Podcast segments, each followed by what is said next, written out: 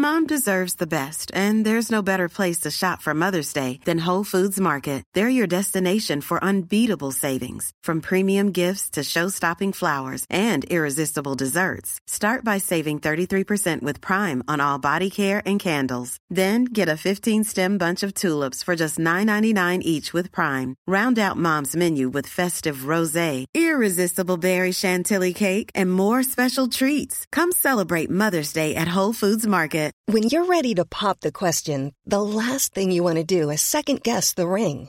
At Bluenile.com, you can design a one of a kind ring with the ease and convenience of shopping online. Choose your diamond and setting. When you find the one, you'll get it delivered right to your door. Go to Bluenile.com and use promo code LISTEN to get $50 off your purchase of $500 or more. That's code LISTEN at Bluenile.com for $50 off your purchase.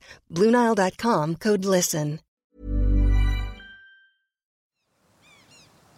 Eh, för min del så det är många olika känslor man får. Man blir ledsen, man blir arg, man blir förbannad liksom. Det är den 7 juli 2021. Blomhavet på platsen där en polis blev skjuten till döds för en vecka sedan växer.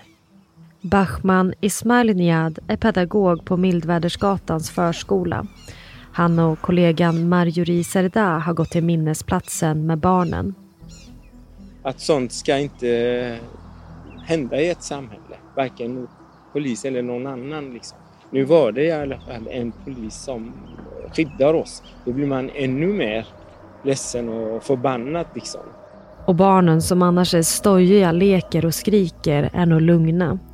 Det är som att de förstår allvaret. Att någon som ämnat skydda dem har mördats precis här. Alltså det har ju varit tungt. Mm. Som en tyngd i kroppen. Jag har bott här sedan 94. Uh, eh, bor på Husvädersgatan och det är, man blir ledsen. Ledsen över det som har hänt.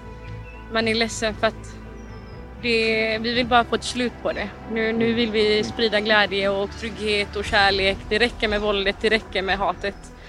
Nu får vi bygga ett bättre samhälle tillsammans och det tror jag vi kommer lyckas med. Att vi måste hjälpa ungdomarna som har hamnat fel.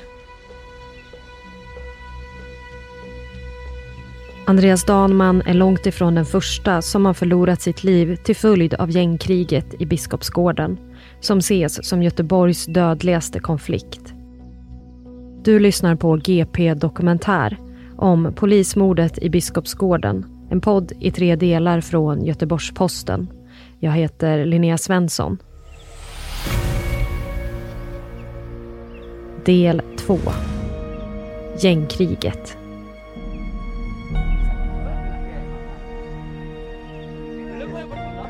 Det är oktoberkväll på fotbollsplanen vid Länsmansgården i Norra Biskopsgården. På skolan som ligger intill sköts en 16-årig kille till döds och en flicka i tonåren fick livshotande skador i mars 2020. Det, det har hänt så mycket saker de senaste åren i, i Biskopsgården så att eh, Hector Valeria kommer cyklandes med kläder och fotbollar i en kärra bakom sig.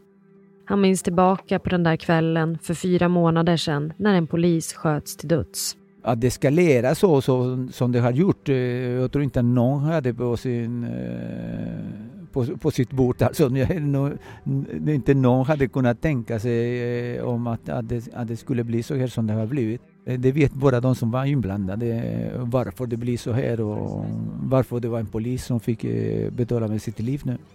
Ja, det var hemskt, det var tråkigt, det, var, det, det kändes inte som att det, det var sant det som hade hänt. För att det, jag tror inte att någon hade tänkt någon gång någonsin att eh, en polis skulle betala med sitt liv eh, för ett jobb som skapar trygghet i området. Det, det kändes...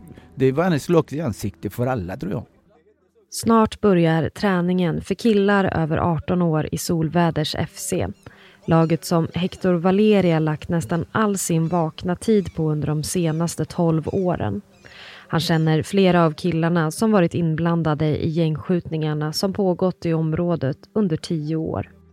Jag känner alla killar, jag har haft dem i fotboll och eh, andra har kommit hit och frågat om de kan spela fotboll med mig. Eh, tyvärr, tyvärr det, var det så att eh, de flesta av de här killarna, eller alla de här killarna som har betalat med sitt liv eh, eller som sitter inne i fängelse nu, de, är de slutade spela fotboll med oss. Flera killar kommer till träningen. Samtidigt börjar det bli mörkt och strålkastarna tänds ovanför fotbollsplanen. 22-åriga Mirsa, som är sportchef i laget, ansluter. Och jag läste om det var en skottlossning i Biskopsgården. Om jag ska vara helt ärlig så, tänker jag, så tänkte jag ja men det, det, det är vanligt. Det händer. Det har varit en, eh, en tom skottlossning. Bara ett varningsskott eller liknande. Men sen så läste jag att det var någon som hade blivit skjuten. Och sen så kom det att det var en polis som hade blivit skjuten. Så det var, det var väldigt chockerande. Så det var, jag tror det var samma chock för mig som det var för resten av Sveriges befolkning. Eh, jag var, jag var hemma, det var jag. Jag var hemma med min familj. Ja men det, det, det är synd att en tjänsteman ska dö i, i tjänst. Men eh, som, som polis vet man också att eh, fara finns. Så jag tror alla som har velat bli poliser och valt att bli poliser vet att eh, fara är en del av yrket. Men det är väldigt synd att en polis mister sitt liv och i så ung ålder också. Mirsa kommer till träningen direkt från skolan. Han pluggar till läkare och säger att det är delvis tack vare sin uppväxt i Biskopsgården som han valt att studera vidare.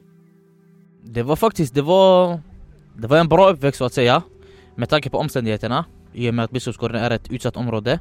Särskilt utsatt område. Men eh, vi fick det att fungera. Så ja, det har varit en, eh, en bra upp, upp, uppväxt.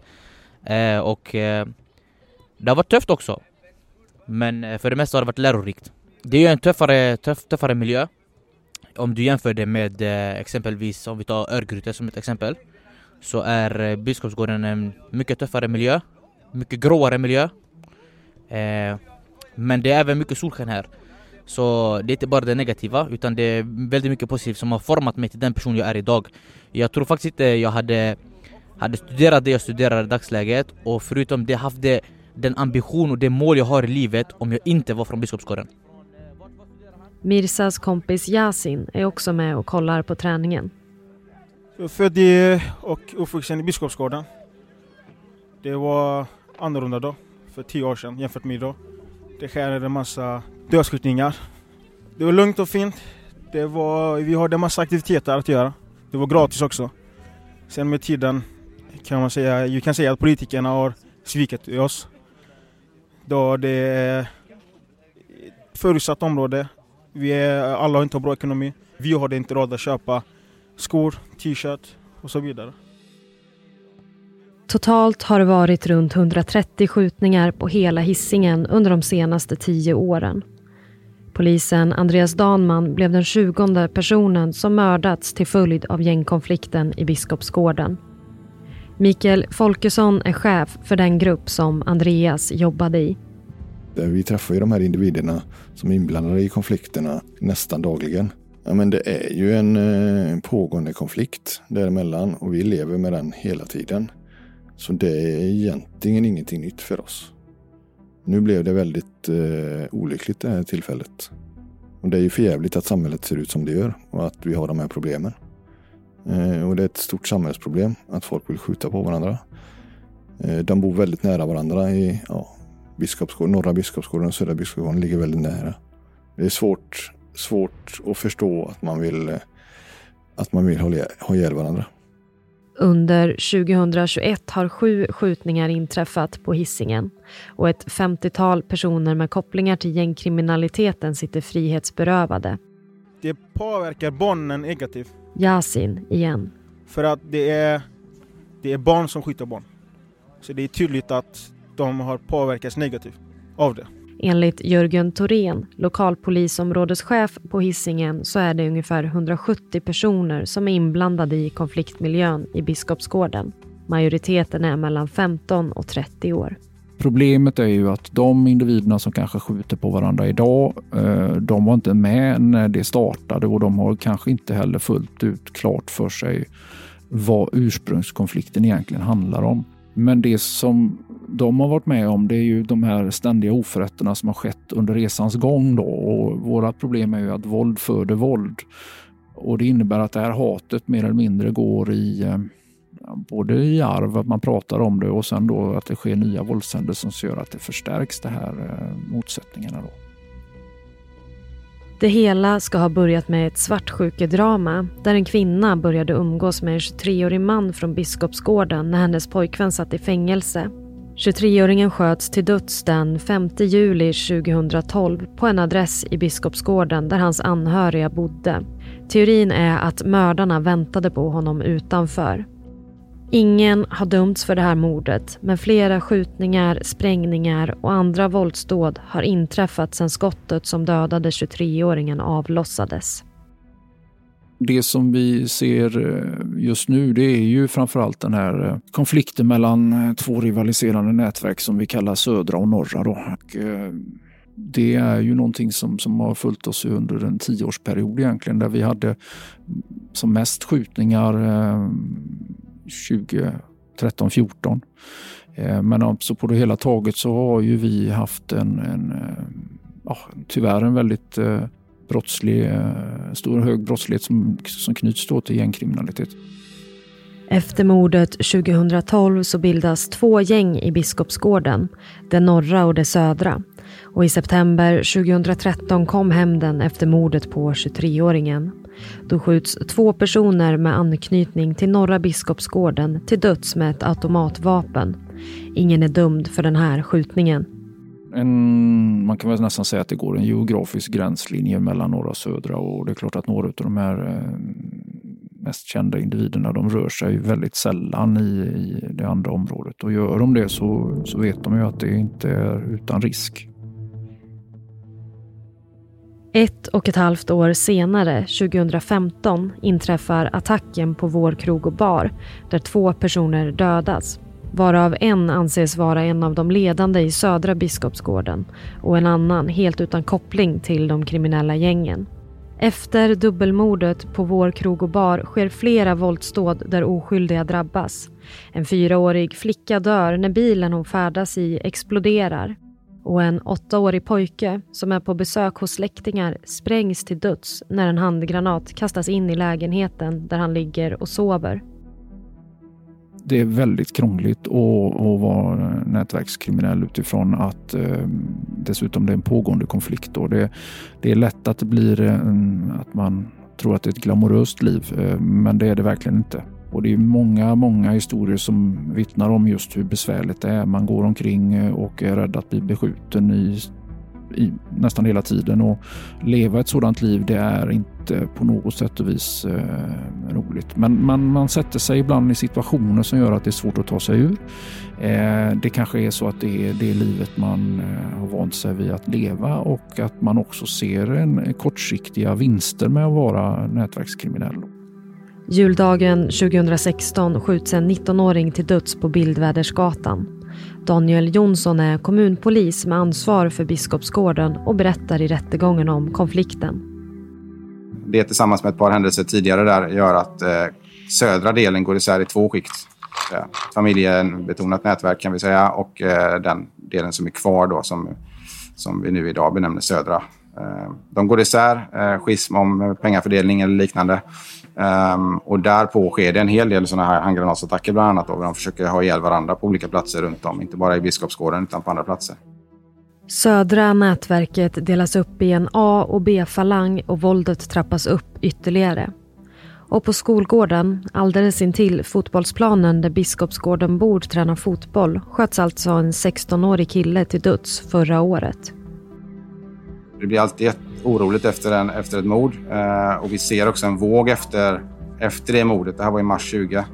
Det kommer ett gäng skjutningar och händelser eh, som vi kan konstatera hör samman med konflikten norra södra. Eh, nu har jag inte datum så i huvudet. Det, det går i vågor som sagt. Men det var en tydlig våg efter den här händelsen. Där vi kände att konfliktläget som vi ibland pratar om gick upp till, till rött läge helt enkelt i Biskopsgården mellan de här konstellationerna. Och det har inte alltid varit rött under de här tio åren som vi pratar om, utan det har varit många längre perioder med lugnt i området. Det är som vilket område som helst i Göteborg. Den senaste dödsskjutningen, innan skjutningen av polismannen Andreas Danman, inträffade i maj 2020 i Gamlestaden där en man i 30-årsåldern med koppling till B-falangen mördades. Då lyckas ju polisen eh, och gripa och anhålla, häkta och till och med döma många av de här i slutändan till långa fängelsestraff. Och det, de som dömdes där då, samtliga de hade en hög position i södra nätverket. Och det märktes väldigt tydligt när vi eh, arbetade i området. Den här, eh, ja, den strategiska förmågan framför allt försvann från södra nätverket och ersattes av eh, betydligt yngre förmågor som inte hade alls samma kapacitet. Um, ja, det är den händelsen som står ut mest med antal personer som försvann. Och eh, frågan är nu... Yasin igen. Vilka åtgärder man ska ta nu? Vad ska man göra för att stoppa det? Det är det frågan. Jörgen Thorén, lokalpolisområdeschef på Hisingen. Vi har en pågående myndighetssamverkan. Vi har haft eh, flertal utav eh, väl fungerande medborgarluften då helt enkelt där vi har lyssnat på medborgarna. Och det handlar ju oftast om att förhindra gängrelaterat våld i offentlig miljö. Och då har vi plockat med ett antal olika aktörer egentligen som har hjälpt oss i det att jobba med det, för att kunna förhindra det. Och vi har väl inte, med tanke på vad som har hänt, så har vi inte lyckats fullt ut. Men jag, jag, tycker det är viktigt att prata om vad vi faktiskt gör. Och nu har vi ju ytterligare ett medborgarlöfte där vi kopplar på väldigt lokala aktörer kring de här torgen för att vi ska bli så många som möjligt som, som tar upp kampen mot att förhindra nyrekryteringen. Han säger att det är mycket som spelar in vad gäller situationen bland de kriminella i Biskopsgården. Det första man behöver ha klart för sig är att det bor väldigt mycket barn i Biskopsgården. Det är en extremt mängd eh, ungdomar. Eh, och eh, sen är det ju liksom ett antal riskfaktorer som gör att det är lätt att hamna snett. Och ett av de här viktigaste bitarna som vi försöker jobba med då är att plocka undan kriminella förebilder. Eh, för det är ju någonting som jag är lite oroad över att man som eh, kanske 12, 13, 14-åring ser upp till ett antal tongivande kriminella och ser de här individerna som förebilder. Och det är ju det, minst, alltså det, det, är det sista vi vill, att de ska ha de här individerna som förebilder. Och varför är de då förebilder? Ja, det är för att de har kanske det här bling-bling på sig. De har fräcka bilar, eh, kontanter på fickan och sprider det omkring sig. Då. Och då är det lätt att det, det är dit man vill nå. Då.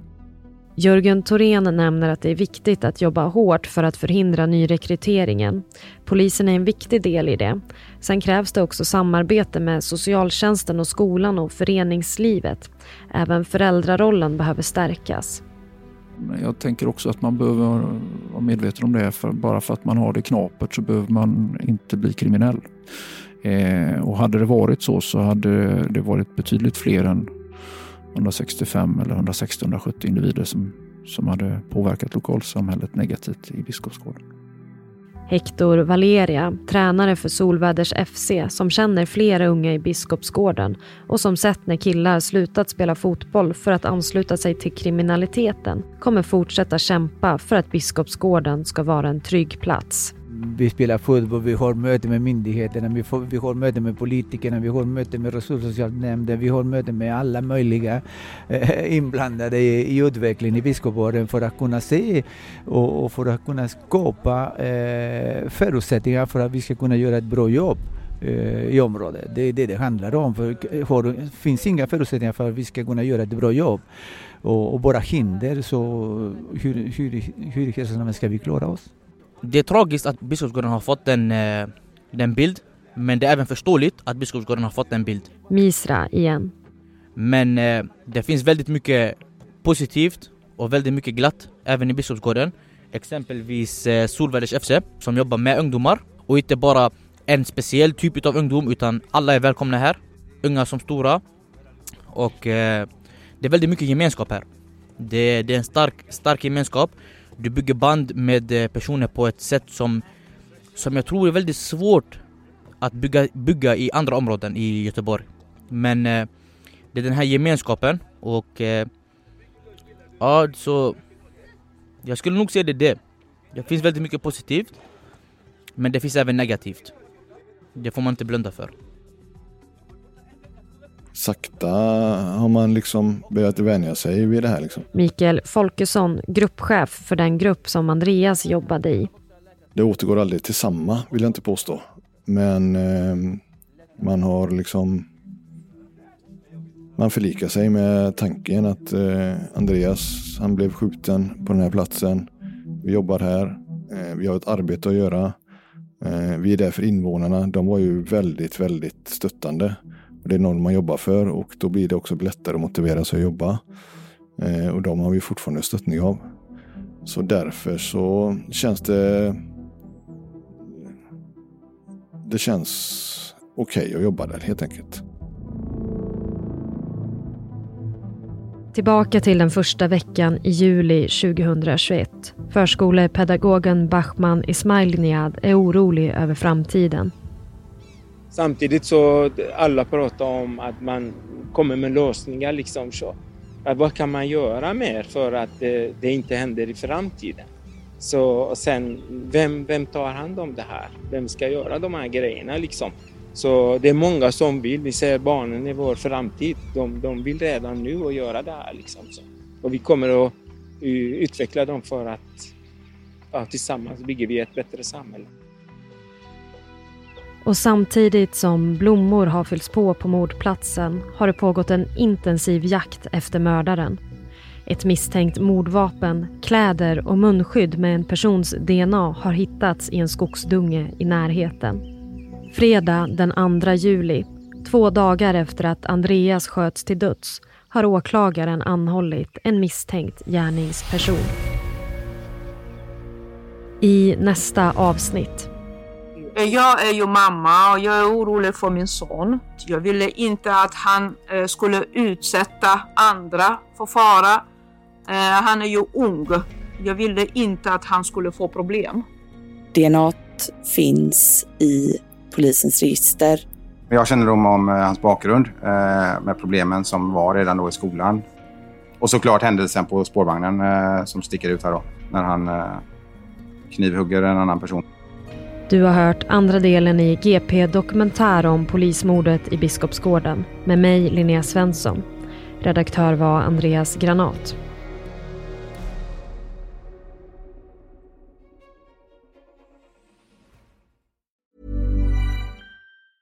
Planning for your next trip? Elevate your travel style with Quince. Quince has all the jet-setting essentials you'll want for your next getaway, like European linen premium luggage options, buttery soft Italian leather bags, and so much more. And is all priced at 50 to 80% less than similar brands.